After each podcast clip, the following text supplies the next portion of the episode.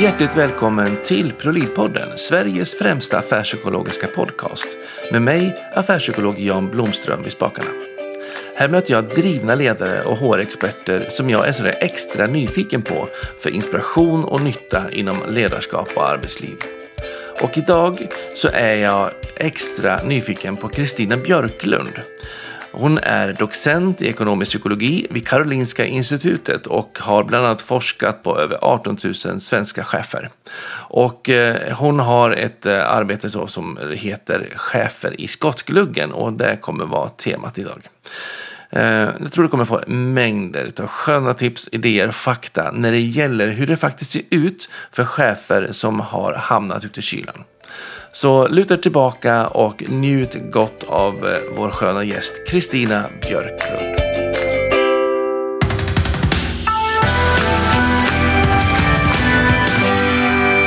Hjärtligt välkommen till ProLid-podden säger jag till Kristina Björklund. Tack så jättemycket. En tidig dagstart börjar vi idag. Det är ganska tidigt på morgonen om vi låter oss ringrostiga på rösterna. Men eh, vi, vi kommer att ge mjukstartning genom att prata om hur chefer blir mobbade, alltså uppåtgående mobbning. Yes. Eh, så det är en mjukstart på dagen. Och, eh, du jobbar som docent i ekonomisk psykologi vid Karolinska institutet. Precis. Ja, kan inte du berätta lite? Vem är du och vad forskar du på? Ja, det kan ju kanske det här med ekonomisk psykologi kan man ju fundera kring, vad är det för något? Men ja. egentligen handlar det om att det är nära organisationspsykologi. Det är att man, man eh, tittar på ekonomiska fenomen genom psykologiska ögon. Mm. Men jag kan väl säga att jag har eh, varit på KI, jag disputerade från Handelshögskolan 2001 ja. och sedan dess har jag varit här på Karolinska institutet och är just nu på en institution som heter Institutet för miljömedicin på en avdelning som heter intervention och implementeringsforskning. Mm. Och eh, titta på de här fenomenen blir egentligen ur tre olika synvinklar. Det blir ju ekonomi, psykologi och medicin och det tror jag är väldigt bra eftersom det är många faktorer som påverkar just det här bli utsatt för mobbning. Både från arbetsmiljöperspektiv till reaktioner hos individen. Mm. Verkligen, det kan jag bara skriva under på när jag är ute och, och träffar folk och konsulter ja. också. Eh, sen gillar jag då personligen också att just att ekonomisk psykologi-begreppet, som, ja. jag, som, i och med att jag titulerar mig som affärspsykolog. Och, ja. det, lig det ligger nära intill kanske? Det ligger lite nära intill. Även om min bas är från psykologisidan så, så är det liksom, vi måste ha ett gränssnitt där det handlar ja. om effekt och, och, och reaktion och, och motivation. Ja, och det kan jag jobba i de här ämnena också, att titta på konsekvenser, ekonomiska konsekvenser är viktiga för att organisationer överhuvudtaget ska arbeta med de här frågorna. För det är ja. en kostnad, tänker jag, för samhället och ja. organisationer. Verkligen, och ska den upp på dagordningen i styrelser och ledningsgrupper så, mm. så måste vi se att hur vi mår och presterar och agerar yeah. på jobbet är knutet till antingen vinst på sista raden om man är ett privat bolag, men också faktiskt samhällsnytta eller medborgarnytta mm. i offentliga mm. verksamheter. Det är lika mycket ekonomi där. Ja, visst är det så. Ja, spännande. Eh, men allt funkar inte alltid så himla jättebra eh, på arbetsmarknaden, utan ibland så är det så att man far lite illa. Och eh, det är det som kommer vara våra lite huvudfokus. Men om man då börjar bara prata om mobbning och kränkande särbehandling och sånt där. Hur, hur ser mm. du på det fenomenet allmänt? Liksom? Alltså det är ju förekommande faktiskt i alla typer av organisationer och eh, att mitt intresse också började för den här typen av forskning beror lite på att jag tidigare forskat kring mobbning allmänt i, bland medarbetare. Men det jag kunde se en grupp där som faktiskt också kan bli utsatt av mobbning är ju chefer. Alltså mm. På något sätt är det ju hela tiden att man läser om, media framhåller mycket och man pratar mycket om när chefen mobbar. Mm. Men jag vill påstå i alla branscher alla typer av positioner man kan ha i, i en organisation kan bli utsatt för mobbning. Mm. Och, och, det är svårt det här, alltså det är ju på tapeten mobbning, så är det. Sen, sen det här brukar jag ju få frågan, har, har det ökat eller minskat? Det är svårt att säga därför att man har tagit upp ämnet på ett annat sätt. Det är mer, jag tror att det är fler som anmäler idag. Eh, dock är det svårt med anmälningar när det gäller mobbning för att det är svår bevisbörda när det gäller det. Mm. Men det finns, det finns i alla typer, alla åldrar, alla positioner. Och internationellt då, hur ser det ut där? Ja, det här begreppet är svårt för mobbning handlar ju liksom om den här systematiska, frekventa eh, utsattheten för med, med kränkningar, särbehandling. Också att det oftast är en eskalerande process, tänker jag, att, att man blir utsatt. Också det här med, med olika, att det är en, en makthierarki. Och jag tror att tittar man internationellt så kan det alltså variera mellan 10 till 30 procent eller 5 till 30 procent och, och, och, i Sverige är det runt, tittar man allmänt runt 8 procent. Och anledningen till att det är så varierande beror på att det är så många olika definitioner på vad mobbning är. Och, och, så det är svårt att säga. Ja, det förekommer i, i tror jag, de flesta länder, eller jag vill påstå alla länder. Och så är det här variationen är lite beroende på hur definitionen är. För det handlar ju om att titta på, på eh, vilka som är anmälda och hur man går vidare och så vidare i, i processen. Så det är svårt att säga, men det är mycket, det finns. Eh, och, och det här är allmänt. Och jag tänker att det måste också bero på kulturella betingelser på hur Absolut. man definierar det. Ja, visst är det så. Det, det är också, jag tror vad man eh, förväntningar också på arbetsplatsen och det är vi olika. Vad förväntar man sig med det här med ledarskap eller relationer till individer? Och det är klart att bli utsatt då är är lite beroende på vad du har för, för kulturella värderingar och så vidare. Visst är det så? Mm. Jag tänker Saudiarabien, med liksom, om man som kvinna får ta körkort, då kanske man får det, men, men ändå liksom den förtryck som ligger där gör ju att man någonstans kanske har en annan förväntning på vilken spelutrymme man får och hur man blir bemött på arbetsplatsen. Ja, så är det säkert. Ja, och jag har faktiskt hittills inte sett så mycket eh, studier från Mellanöstern. Det finns ju mycket. Skandinavien är ganska framträdande i de här forskningen, speciellt Norge. Och i Europa finns det många studier och i USA och Australien, västerländska och nu börjar det komma också i från andra länder, från Östeuropa och så vidare. Så att visst är det så att det, det, det kommer väl studier hela tiden, tänker jag, kring det här. Och där kan man se ändå att det finns en variation när det gäller andelen som upplever sig utsatt för mobbning och trakasserier. Men jag tror hela, det är ju så, vi är ju olika och, och det är en subjektiv upplevelse, det får man ju aldrig glömma. Nej, och jag tänker också det blir intressant om det kommer från Mellanöstern eller från Hongkong mm. nu som är upproren där. Och, ja. Alltså vad, vad, är det som, ja, hur, hur, hur hanterar vi varandra? Precis. Ja, ett spännande och viktigt område i alla fall att eh, belysa. Eh, och många far illa och det är den här bilden som du pratar om, att många pratar om att eh, cheferna är de som mobbar kanske medarbetare. Ja. Eh, den sidan vi kommer att ha mest fokus på idag är ju tvärtom. Alltså ja. den faktiskt chefen är den som då blir utsatt. Och den pratar man inte så mycket om än. Eh, Nej. jag i alla fall. Nej, det, det, gör man inte. Jag måste säga att jag har haft det här projektet i, i tre år. Eh, det är precis avslutat också, att nu kan man börja rapportera och publicera. Mm. Och då blir det, kommer det ut på ett annat sätt, tänker jag, både i allmänna media och i, i internationella publikationer, forsknings, i forskningspublikationer. Jag kan säga att överhuvudtaget är media har varit väldigt intresserade av det här ämnet. Och, och det är kul när man får bli intervjuad av eh, Svenska, och, Svenska Dagbladet och DN och så vidare. För att det är väldigt ovanligt att man tar det här perspektivet. Eh, och mm. jag tror att det beror på mycket att mobbning handlar ju om makt, alltså det här att, och då du som formell chef är ju på något sätt, har ju den här positionen i maktposition. Mm, den formella kom, makten ja. Ja, den, precis den formella makten. Och den formella makten har ju en sida, tänker jag, som, som eh, du har ju en helt annan eh, möjlighet att påverka individer och bestämma över en individ. Men det man glömmer bort är att, att kanske många gånger den informella makten är mycket starkare. Det vill säga det här med expertmakten, eh, vänskapsmakt är en sån sak, vem du känner. Alltså det mm. kan ju påverka väldigt mycket om du bor i en mindre kommun till exempel. Om du råkar känna högsta ledningen på kommuns, eh, tänker jag, den politiska ledningen. Då har ju du en maktfaktor där. Mm.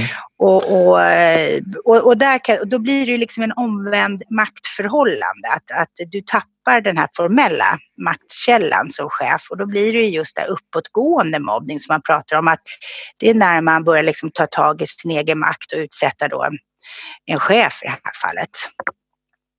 Och när du har då forskat, hur, hur har din forskning sett ut på det här? Vi hade ju möjligheter då, titta, jag hade 18 000 chefer i ett tidigare register, dataregister, som vi har frågat om det här med mobbning och trakasserier ifrån olika branscher. Mm. Eh, och, och, den frågan eh, beskrev vi ganska väl liksom vad mobbning är, det här frekventa och att inte, ja, men en konflikt är inte mobbning utan det är mellan två olika parter. Och då kunde vi se att, att eh, i den här databasen, ungefär 3,2 procent av cheferna upplever att de är utsatta för mobbning om man tittar på helheten. Varav det är något flera när det gäller eh, kvinnor. Eh, 3,5 procent och 2,8 procent när det gäller män. Och här vill jag säga att det är ju ändå att det är ju inte så stor skillnad egentligen. Det är några fler kvinnor som känner, upplever sig utsatta jämfört med män. Däremot så skiljer sig olika branscher. Och vi hade privat, vi hade, vi hade kommun, vi hade landsting och eh, statlig sektor. I statliga sektorn är det ganska många universitet också, kan jag mm. säga, akademin. Och det vi såg där, det är att den statliga sektorn med universitet då är absolut den högsta, eh, när det gäller chefer upplever att de är högst utsatta och det är 6,9 procent. Nästan 7 procent av chefer inom statlig sektor upplever att de är utsatta. Jämfört då med inom privat sektor 2,3 procent. Mm.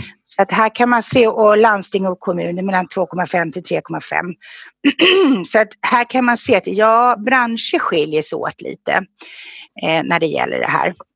Det tycker jag, eh, det som är intressant ändå, det är att jag utgick ifrån det här att det finns överallt. Dock kan det se lite olika ut. Mm. Eh, och bland kvinnor och män. Och det är det vi har tittat på när det gäller bakgrundsfaktorer. Vi har inte tittat så mycket på ålder till exempel. Det har man inte heller kunnat se så mycket i forskningen. Och skillnader allmänt om man tittar på, på forskning av kvinnor och män varierar väldigt. Det finns ingen, en, det går inte att säga att kvinnor blir mer utsatta än män. Det är lite beroende på vad du är i för, för organisation, om det är mans eller kvinnodominerat faktiskt. Ja, det är det som spelar in mer. Det är det som spelar in mer. Och så tror jag att det spelar in, och det beror mer på att om du utmanar den norm som finns på arbetsplatsen, då är du en annan typ av person om man säger. Du kommer in och det blir ju en chef många gånger. En person som kommer in i ett sammanhang som inte är riktigt inkluderad i gruppen. Du blir liksom dina normer och värderingar och så vidare och det är då du oftast blir utsatt. Och då blir det likadant, är du man i en kvinnlig värld, ja, då är det större sannolikhet att bli utsatt jämfört då om det är en manlig värld så att säga. Så att sticka ut är liksom en risk? Sticka, yes, absolut. Mm. Eh, så att, så, och nu pratar jag på, men, men jag tänker att, att man pratar mycket om eskalerande, eh, ett eskalerande process när det gäller mobbning och trakasserier. Det vi också kunde se att det finns något rovjaktsmobbning, det vill säga att du eh, blir utsatt direkt. Och det beror på att du, när du kommer in, och det gör du som chef, och liksom du hinner knappt säga hej först du blir utsatt för mobbning och trakasserier. Så då är det ju mm. inte du som person, då är det ju du som funktion som ja. kommer in, tänker jag, utmanar det som finns i, i den här gruppen. Är det vanligare än person? När det gäller chefer tycker jag, var, när, jag kan berätta också, jag hade ju 18, men jag har också gjort intervjuer, eh, ja. 25 stycken. Och där kunde jag se att det var ganska många, alltså en riskfaktor att vara ny som chef. Absolut. Ja. Så du kommer in och vare sig du är bra eller dåligt, det vet man ju egentligen inte, utan du blir utsatt ganska direkt faktiskt. Och det är väl mer rovjaktsmobbningen, ja. Ja. Eh, jag tänker liksom också om man kommer in som man i kvinnodominerande eller omvänt. Mm. Eh, du nämnde det här med vänskapsmakten. Mm. Att eh, om, om jag inte liksom är i samma könsgruppering eller i samma intresse eller värderingsgruppering mm. så har jag ju kanske inte heller så många vänner på samma sätt eller lika nära vänskapsband. Är det det som slår in att om jag liksom är den där udda personen ja, som kommer in? Alltså jag tror snarare, det kan det absolut vara, men det är också att du, du utmärker det på något sätt. Du är inte den här eh, gruppen, du, du, utmärker för att du är annorlunda. Sen kan det vara kön eller det kan vara etnicitet har vi inte tittat på, men, men med etnicitet och där tänker jag ålder också, att du kommer in som ung i en grupp med, med, med, äldre medarbetare, då utmärker du det på något sätt. Och det är klart att en, en tajt grupp med mycket vänskap blir ju ett, en starkare, tänker jag, kraft att utsätta mm. en chef för. Och vi kunde se, jag hade lite data här och i offentlig sektor. Ja. eh, i olika chefpositioner om man säger att man är högre chef eller lägre chef. Och inom offentlig sektor, i det här fallet var det ungefär 20 procent som var män, de manliga chefer. Och lite så ser det också ut, tänker jag, i den konstellationen medarbetare. 20 procent ungefär män, 80 procent kvinnor. Mm. Och där kunde man se att, att män i de här lägre eh, chefpositionerna var, var mer utsatta än, än kvinnor faktiskt. Eh, medan då, för det är, då går man ju in som man i en, en kvinnlig grupp, en kvinnsdominerad grupp. Ja. Att man kunde se här då andra sidan, är du hög chef, jag menar, i höga positioner med ledningsgrupper och så vidare, då var du som kvinnlig chef då mer utsatt. Och här, ser, här kan man ju se lite grann det här, vilken majoritet och vilken dominans det finns just i den här könskonstellationen. För det tänker jag liksom att, om, inga fördomar alls mm. kände jag. nej, nej, det har vi inte. Nej, nej. Eh, men på första liksom, lägre ledningsnivån så kanske det är mm. mer dominant av kvinnor. Då blir mannen utan. Yes ensam liksom, och tvärtom uppe i... Ja, jag tror att det är, det är en stark grupp och det här har man ju kunnat se och det är likadant är det så att du är kvinna i en manlig, en typisk mansdominerad eh, grupp, då är det likadant. Mm. Så det är, inte, det är inte unikt här. Nu råkar jag ha data just på det här med offentlig sektor, men det ser likadant ut i privata motsvarande då kan man säga. Och det skulle ju tyda på ännu viktigare att man rekryterar i opposition, alltså man tar in så att man har en bra spridning medvetet som affärsstrategi. Absolut. Eller, åtmi eller åtminstone tycker jag att är man medveten om att det är en riskfaktor, att det finns extra stöd och hjälp, att man jobbar med det här från början och inte helt ignorerar situationen. Mm. Utan de här personerna kanske går in då som en ung person i en, en grupp med, med högre medelålder, till exempel en kvinna, en manlig grupp, att man vet att man har någon bakom sig som stödjer in, liksom tills man då har kommit in och, och etablerat sig, tänker jag, i den här gruppen. Mm. Jag tänker själv när jag är ute och, och får mm. möta mina uppdragsgivare och sånt där, så ibland får man de här beställningarna att ja, du måste komma in och hjälpa oss och göra någonting åt dem. Det är unga som kommer in, som bara sticker eller de beter sig konstigt. Mm. Det är nästan alltid från arbetsplatser som har hög, hög genomsnittsålder, de har etablerat och en stabil mm. äldre grupp. Liksom. Och de nya blir de med yttre foto som kommer in. Eh, lika stökigt det är egentligen som de unga som tycker att de, någon enstaka äldre är ett problem. Alltså alltså jag tror att det, det är svårt där med generationsskillnad. Man har olika värderingar. Jag kan säga just nu har jag ett projekt just om unga chefer så jag, jag kan komma ja. tillbaka just med hur de upplever det. Men, men, men jag tror att det är så att man kommer in med lite olika förväntningar på arbetsplatsen. Eh, eh, kanske för en gruppering är lojalitet viktigt, för en annan är det någonting annat. Så jag tror att det här är ju ett möte. Alltså det är kanske är så att man måste jobba en hel del med att försöka mötas, tänker jag, i den här mm. i grupperingen och prata om det åtminstone. Det, är inte bara, det finns också en attityd. Jag tänkte, jag såg i DN att det skrivit så här, unga är lata. Alltså man utgår ifrån att det är någonting fel på dem. Ja. Men, men eh, jag tror att det handlar mycket om kommunikation, att man liksom når varandra och kanske tar upp det. Vad är viktigt då i det här för er, motsvarande det här? Och, eh, Precis, alltså vilka förutsättningar behöver andra för att ja, prestera exakt. bra? Mm. Ja, Vi har olika och, förutsättningar där. Jag tror det och vi är olika och jag vet inte, det är lätt att säga nästa generation. Det kanske var likadant när man själv var ung. Jag, jag kommer inte riktigt ihåg. Med största sannolikhet. Ja, ja, och det är väl härligt tycker jag att det är lite mångfald på arbetsplatserna. Eh, men när du har intervjuat nu, de här 25 och, och sett i mm. datan och sånt där. Eh, hur upplever du att eh, det kommer till uttryck? Hur agerar folk när man mobbar chefer? Har du något mönster i det? Ah, ja, alltså det jag tycker är lite intressant det är extremt subtilt. Vi är så duktiga på att, på, på att liksom mobba utan egentligen att man man märker av det. Och jag tror att vuxenmobbning är det som lite skiljer från barn. Eh, att vi är så duktiga, eh, sofistikerat utsätter personer. Mm. Och, och, det kan vara ifrån att, att eh, eh jag tänker att man inte dyker upp på möten kan det vara. Eh, att du ignorerar eh, dina arbetsuppgifter. Det kan vara så att du, alltså mycket det här med, med eh, att man pratar illa om chefen eh, bakom ryggen, man sprider rykten och så vidare. Mm. Eh, det här är ett vanligt fenomen i början. någonting. Och här, mötet då med cheferna, att många som jag har talat med, som är fantastiska personer som har ställt upp på de här intervjuerna, eh, som bevittnar det här att de märker inte riktigt av vad som sker i början. Det man vet är bara det att det är något som inte står rätt till. Och man förstår inte varför inte de här personerna dyker upp eller man förstår inte vad, som, vad det är för rykt, rykten som börjar spridas. Eller, eh, en annan del är också att, att du, och det kanske också är med vänskaps, det är att du börjar liksom gå upp till högre ledningsgrupper, lite högre chefer liksom, och bara prata om den här personen som i sin tur då den här högre chefen börjar ge sig på personen i fråga och då förstår man inte hur det kommer sig. Eller det, jag tror att det är en oförståelse från början. Mm. Men det kan, alltså det kan vara ifrån den subtila till extrema skrik, hot eh, och så vidare. Så att jag menar det, det kan variera enormt men många gånger börjar lite mer subtilt till att det blir mer aktiv liksom, mobbning av den här personen.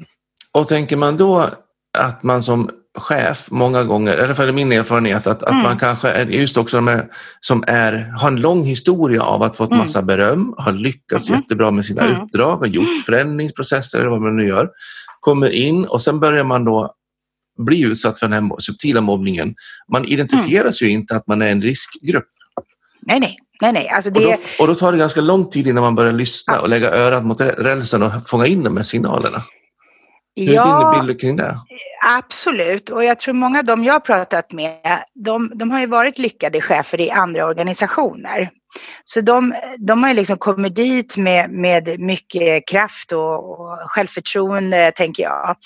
Mm. Och sen visar det sig att i den här, den här nya gruppen, i den här nya funktionen som man befinner sig fungerar relationerna inte alls. Så att jag tror att man, man börjar med att skylla på sig själv.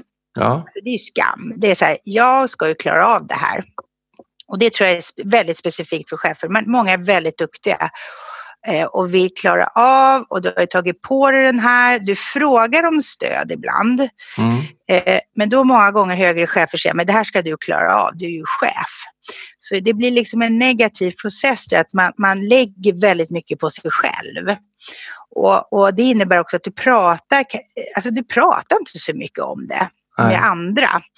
Eh, och många gånger, du definieras ju först när du liksom är sjukskriven nästan hos en läkare och när du berättar om din situation så är det någon annan som definierar och säger du, eh, du är nu utsatt för mobbning eller kränkande särbehandling eller mobbning då framförallt.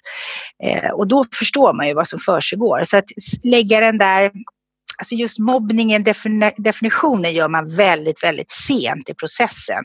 Och kanske behöver hjälp av speglingen från sina kollegor? Ja, kollegor och eh, kanske också utanför arbetsplatsen är många gånger speglingen finns. Ja.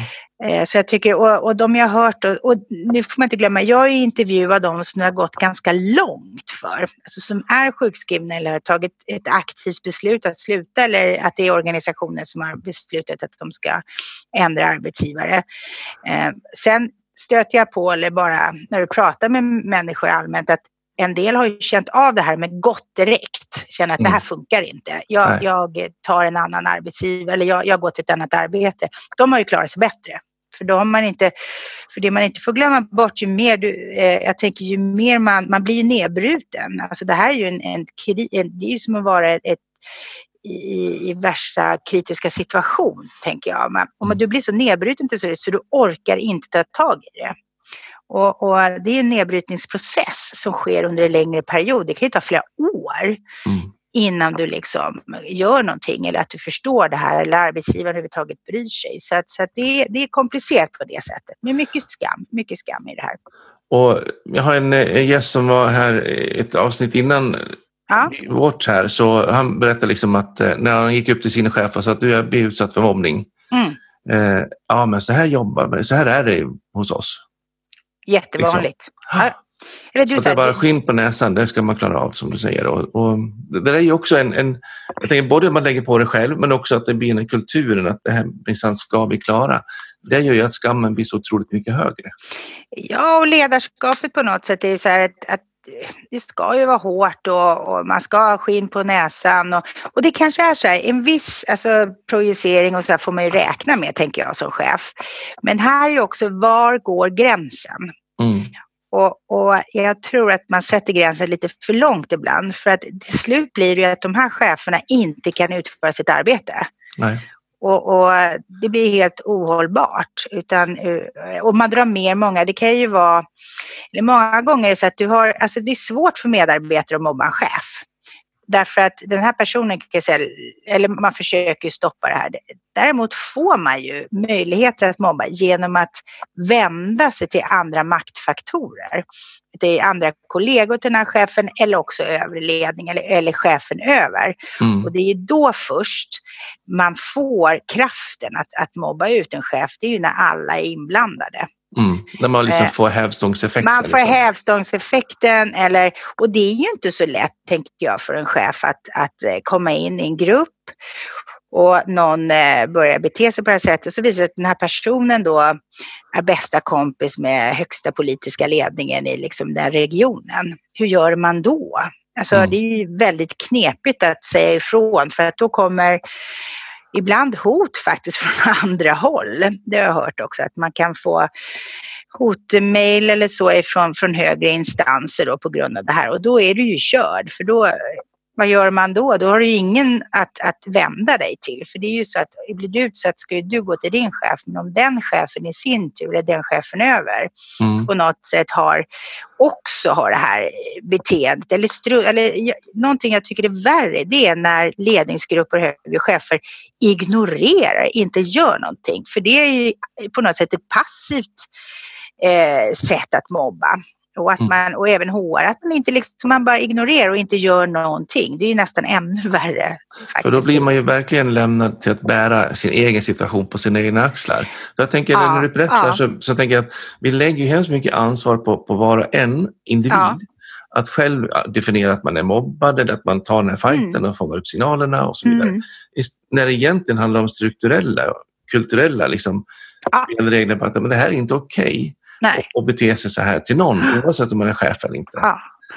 Och, och, så är det definitivt. Alltså jag hävdar att, att viss, eftersom alla kan bli utsatta för mobbning, det finns, en hel, det finns ju forskning kring personligheter och så vidare.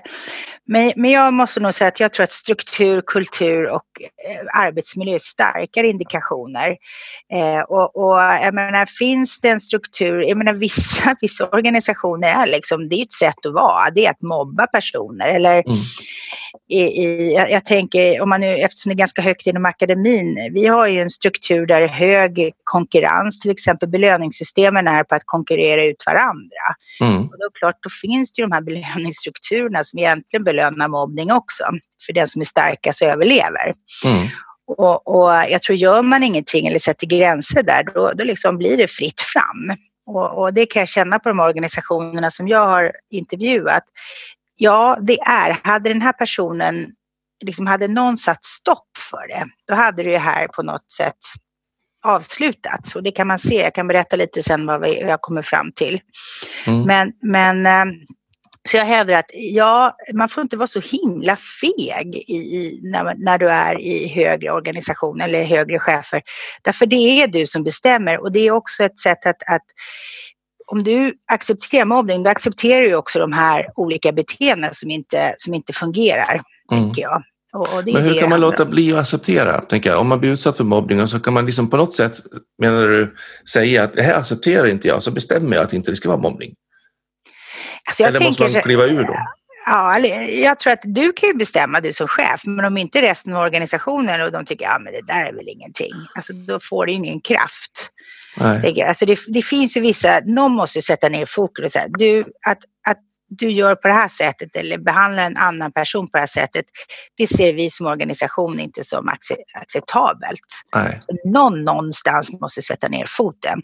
Du som chef, är du, ibland funkar det du som chef att du, vet du vad, de flesta fall funkar om någon inte beter sig rätt så du som chef kan faktiskt eh, påverka beteendet, men ibland funkar det inte. Nej. Och det är då det kan tyvärr eh, eskalera då till att det blir mobbning och trakasserier av chef. Men någon måste göra någonting, tänker jag. Det är där som ibland och jag tänker när de här subtila signalerna börjar komma, när man ja. anar att folk kommer inte på möten och sånt där. Mm. Där borde ju vara ett sånt bra tillfälle att försöka, när man börjar ana, ta tag i det yes. och agera snabbt. Ja.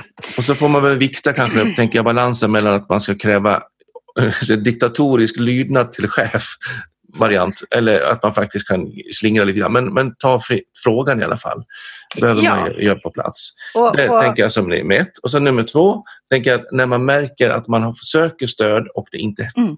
man bara får en ruskning på huvudet eller en klapp på axeln eller någonting. Eller då kommer de här mm. högre som kommer att ge hotelsen på sidan om även då att man snabbt markerar för då är det en jättevarningsklocka. Kan man tolka ja, att det är de två? Absolut. Mm. Eh, och, det är ju, och här får man välja då att orkar man med? För många gånger så man orkar inte ta det där. För när väl högre chefer är inblandade, hur, vad gör man då? Eh, går till HR, men HR, vem representerar HR? Mm. Jag kan säga det, det är, jag har haft en del en del upplever till och med att, att eh, HR-avdelningar är de som är del i mobbningen. Jag tror inte de är det, men de gör ingenting. De är på arbetsgivarens sida. Mm. Eh, och, och, en annan del som man upplever i, i mobbning, det är fackligt anslutna. Och det är rätt intressant, alltså just att, att det är också maktfaktor. På vilket sätt? Eh, jo, men alltså det kan vara istället för jag kan tycka att, är, att, att vara fackligt anställd, alltså det är någonting positivt. Det är någonting man vill göra en bra arbetsmiljö och så vidare. Men den makten, om den kommer i fel händer, blir ju också för du har ju access till ledningsgrupper, du har access till lagen och så vidare. Och det här kan ju bli en faktor om du om du då utsätter en chef så, så kan man ju använda olika medel, medarbetarundersökningar eller vad det nu kan vara, mm. skyddsombud och så vidare som är liksom en faktor. Så att det här fungerar inte, den här chefen ska bort och så vidare. Ja. Och, och, många nämner facket som en del i mobbningsprocessen. Och mm. det jag vet att när jag är ute och föreläser så är det många som håller med. och, det stämmer också med gästerna som har varit med här. Det är så. Ja. Mm. Eh, där de blir en hemskt tydlig part i, i i rollen. Yeah. För att man har använt informationen på fel sätt. Gjort Precis. val att skicka brev via offentligt så det kommer ut i media drev. Ja. Och ställer upp i ja, lite sådana konstiga saker ibland. Eh, så att, eh, ja. Jag tänker bara på HR-delen också, eh, mm. till, till, alla er HR som lyssnar och så. Att mm. ja, för min del så tänker jag med HR, ja, det finns egentligen bara en enda roll man kan ha som HR, det är att vara verksamhetens representant, inte yes. arbetsgivarens. Nej. Utan man måste kunna våga som HR-position att vara lika tydlig uppåt som neråt och åt sidan. Precis. Och vet du vad, det finns de som är jätteduktiga, så det här är inte allmänt, eh, utan att man har tagit ställning för det här. Alltså ja. man är verksamhetens HR och, och, i vissa fall så är det bra historier där HR har varit en, en god part i det. Så jag vill inte säga, säga att det är något negativt, men jag tror att det är en svår roll, ja. vilket man ska ta på sig. Jag tror att det är det som är eh, svårt att veta, oklart kanske från början, vilken mm. roll man ska ta på sig som HR. Visst är det, man har inte, man har, det är fortfarande för många som inte har tagit ställning i den diskussionen. Exakt, precis. Det är bara vill lyfta fram. Ja, ja men precis. Och det, jag tror att det är mycket att diskutera. Eh, och, och, jag vet, jag pratar med många HR och de, de kan ju hålla med det här. Och, och eh, de som har jobbat med, med frågan känner sig mer tydliga i det här. Mm. Eh, när det gäller vilken ställningstagande eller hur man ska agera. Och det mm. tycker jag det är jättepositivt. Om vi ser nu då på, man har blivit utsatt för mobbning som chef. Mm. Vad, vad råkar man ut för för någonting? Vad får man för problem av den mobbningen? Och vad har, du, har du sett någonting av det i ditt material? Ja, ja framförallt psykisk ohälsa. Alltså mm. det, den fysiska hälsan tar ju stryk eh, och det är oftast det som är första steget. De flesta som jag har intervjuat, de här 25, har ju då varit sjukskrivna. Ja. Eh, och det är väl första steget många gånger att man, kroppen orkar inte och så går man till doktorn och så ser man det här. Eh, och det är från sömnbesvär till eh, depression till eh, utmattning.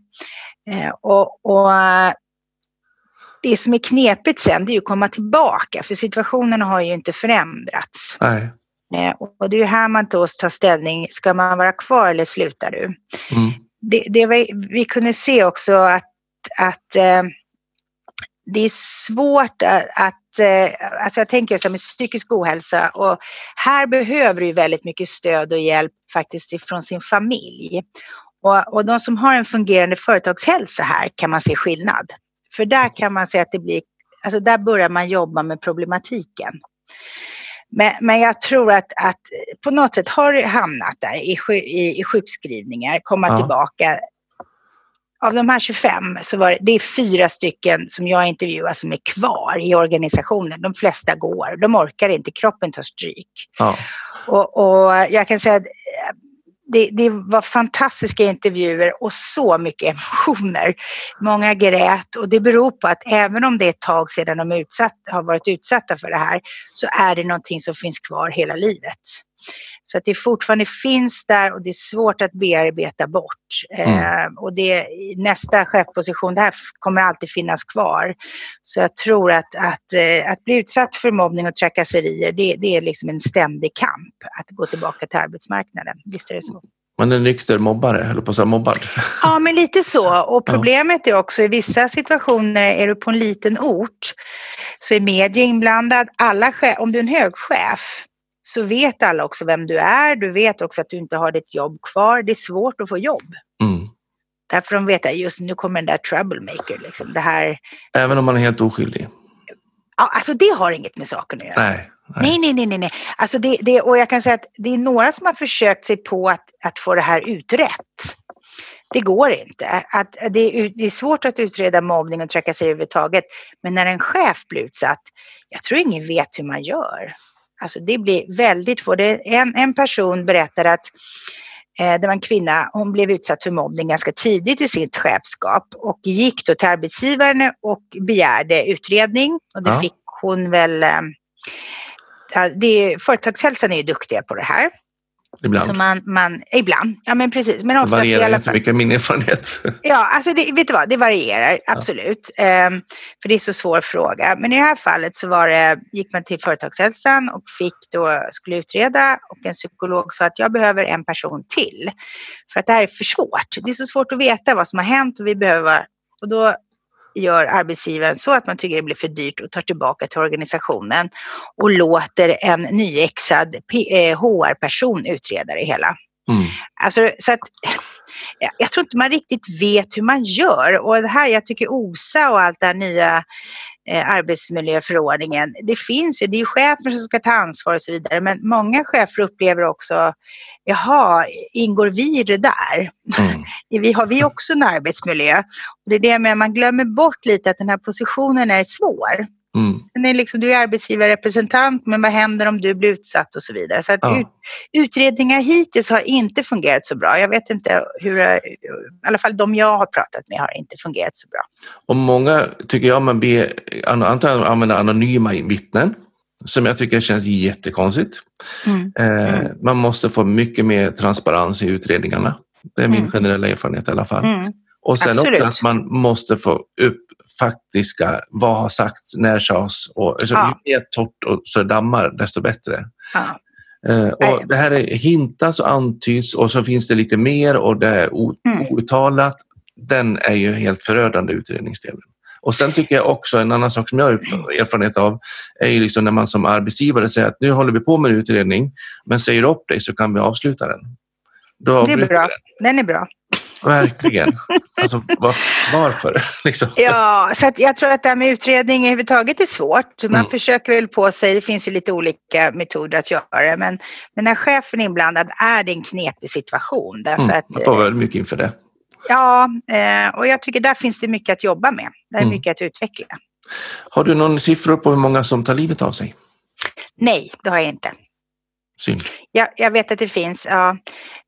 Um, jag har inte gått in i det och jag vet att det är ett sånt där område man gärna gör. Men, men där känner jag att jag, jag, eh, jag avstår den. Ja, för den är också, apropå, apropå svåra frågor och områden, ja, jag vet. den är ju, för som du säger, man drabbas hårt mm. och eh, det är ju verkligen en kamp på liv och död, mm. faktiskt, bevisligen, för ja. vissa. Det, det eh. tror jag. Och, och jag, jag, tänker det enda utredda då mobbningsfallet som är Krokum där, där den personen tog livet av sig. Och, mm. och, det gick ju inte, alltså jag tänker det här med vad, vilka konsekvenser det får, men det gick ju inte så bra i hovrätten då. Jag var ju friade i cheferna. Så att det är ett knepigt fall och jag tror att det är svårt att säga hur många som tar livet av sig på grund av, av mobbning och trakasserier. Det, och på grund av ohälsa. Och ja, det är ju ohälsan då som tror jag kanske förorsakar att man tyvärr, tyvärr ja. så långt att man inte orkar längre. Och sen är väl kanske såklart, det finns många aspekter i, i allt men, men ja. det är en viktig del. Och, men eh, just budskapet att blir man utsatt för mobbning så är det ett farligt tillstånd. Antingen yes. att man inte överlever eller att man faktiskt far himla illa. Ja. Eh, vikten att man tar sin mats ur skolan och ser till att komma någorlunda levande därifrån. Ja. Eh, och då det. tänker jag lite grann med de som går vidare. Eh, mm. Har du någon koll på, på liksom var, var hamnar man efter man har varit utsatt för mobbning som chef? Går man tillbaka till chefsroller eller måste, ja. är man bränd som chef och man måste gå in i andra typer av tjänster? Alltså det jag tyckte var intressant, det har man sett i annan forskning också, det tar ganska många år innan du tar på dig ett arbete. Fyra, mm. fem år. Alltså ja. för att du inte orkar. En del tar på sig chefroll igen. Det tycker jag är otroligt häftigt att de orkar. Mm. Andra gör något helt annat. Um, så att det där varierar lite grann. Eh, men, men som sagt, majoriteten slutar i alla fall i den positionen i den verksamheten. Ja. Men jag tror man har lärt sig, jag tycker de som har tagit på sig ett, ett chefskap igen har lärt sig just att de är mer selektiva på vilket stöd de har och vilken typ av organisation de ger sig in i, i sitt chefskap igen. Så jag tror, tror att har liksom lärt sig, inte lärt sig, men, men man, man, vill inte gå på det igen, utan du försöker se vad, vad har jag för stöd i den här organisationen och är det här möjligt med den här gruppen att gå in som chef igen? Ja. Så, så, man, för man orkar liksom inte en gång till, utan det här är förhoppningsvis en, en gång man blir utsatt för mobbning och trakasserier. Jag brukar säga att eh, man behöver gå in och beställa sitt ledarskap. Ja. Och då måste man kolla på vad behöver jag? Men nu lovar min arbetsgivare, min nya mm. organisation, alltså att jag mm. kommer att skapa en bra skillnad i den här verksamheten. Eh, och eh, då behöver jag mer mm. av det här eller behöver mindre ja. av det där. Så att man blir tydlig på, på vilken form jag sitter i. Absolut. Och, och jag kan säga att de som jag pratade med, som är, det är ju klart att när, det är en hel del av dem som har gått in i grupper man vet inte har fungerat faktiskt. Mm. Eh, och att det har varit konflikter i dysfunktionella grupper redan från början. Och jag tror det gör du inte igen och går in i en sån grupp. Utan, utan här är man mer selektiv och ser att är det en fungerande organisation och en fungerande grupp faktiskt. Mm. Så att jag tror att man, man har väl lärt sig, det är en, en hård läxa måste jag säga. En tuff det är som att äta flugsvamp, man gör det inte fler gånger. Man gör det bara en gång. och förhoppningsvis överlever då, jag vet inte. ja, ja, precis, man får bara äta lite. Ja. ja. Men du, jättespännande att få ta del av dina resultat och erfarenheter.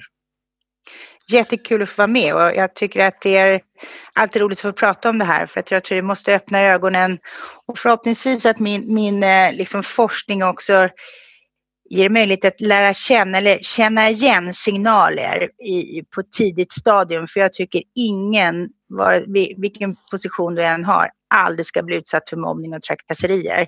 Nej. För det är inte okej. Okay. Det, det, är någonting som, vare sig du är barn eller vuxen eller för att gå till sitt arbete, det gör man och du ska ha möjligheter och förutsättningar att göra ett bra jobb. Så att det här är liksom aldrig, aldrig okej okay att bli utsatt för mobbning och trakasserier.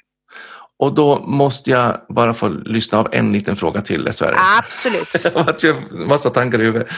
Den här eh, samhällsdebatten som, som är med, med hårdare toner i kommentarsfält och sociala medier och de här dreven som gärna blir. Mm.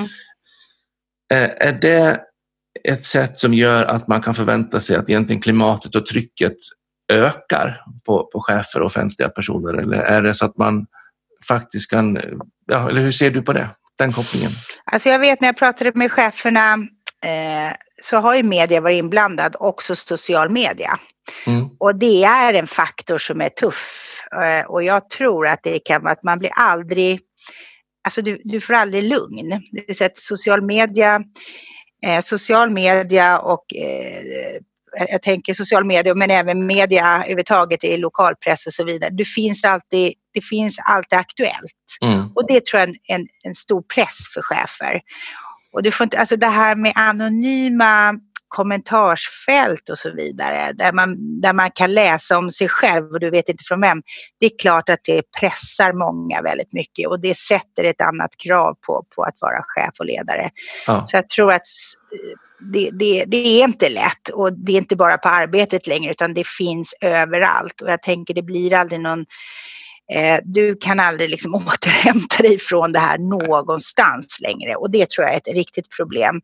Och sen jag, jag menar, ja det är klart att en hård debatt det, det är också hur pratar man med sina medarbetare och chefer. Ja. Det är klart att, att sån, en hårdare debatt på något sätt eller ett klimat påverkar det. Så det gäller att vara tuff tänker jag som chef idag.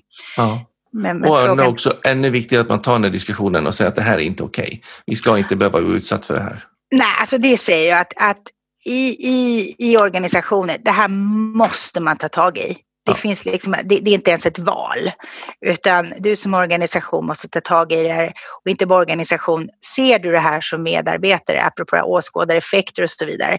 Ser du det här, var stark, stå emot, eh, var tydlig med vad du står. Och jag tror att eh, det enda sättet att, att, liksom att det ska bli bättre det är att man står upp för andra människor ja. och står upp för varandra och det är liksom ett budskap som gäller alla faktiskt. Och vågar man inte det själv, prata ihop det med en kollega så att ni tar stöd av varandra. Ja, och var, precis, och var många så det finns en styrka i det här. Var kanske inte alltid själv, för det, då kan du bli utsatt istället. Men liksom prata ihop, prata ihop dig med din kollega eller vad det nu kan vara så att ni tillsammans försöker att agera på ett, på ett bra sätt så att det blir bra. Tusen tack. tack Om man vill få mer kontakt med dig, var får man tag på dig någonstans? Eh, Karolinska institutet. Eh, det är väl lättast att mejla oftast. Jag vet inte, Kristina med ch.björklund ki.se. Men det är Kristina Björkling, det vill säga chef för skottlinjen. Om, du, om de slår upp eh, chef för skottlinjen så kommer de hitta mig. Toppen. Tusen Toppen. tack. Tack så jättemycket. Hej. Hej. Gillar du också avsnittet? Ja, gilla, dela och kommentera då gärna ProLead på din plattform. På Facebook, Instagram, Twitter eller på LinkedIn. Och eh, var en del av vår talangaccelererande miljö. Och du vet väl också att du kan besöka oss på prolid.se för att ta del av hur vi jobbar med att talangaccelerera Sveriges arbetsliv genom de tjänster, utbildningar, böcker, bloggar och podcast som vi har. Och sen såklart, följ mig jättegärna på LinkedIn så kan vi hänga där. Eh, man vet aldrig riktigt vad våra nätverk kan ta oss vidare till. Så att eh, Jan Blomström på LinkedIn och tills vi hörs igen, ha en riktigt bra dag.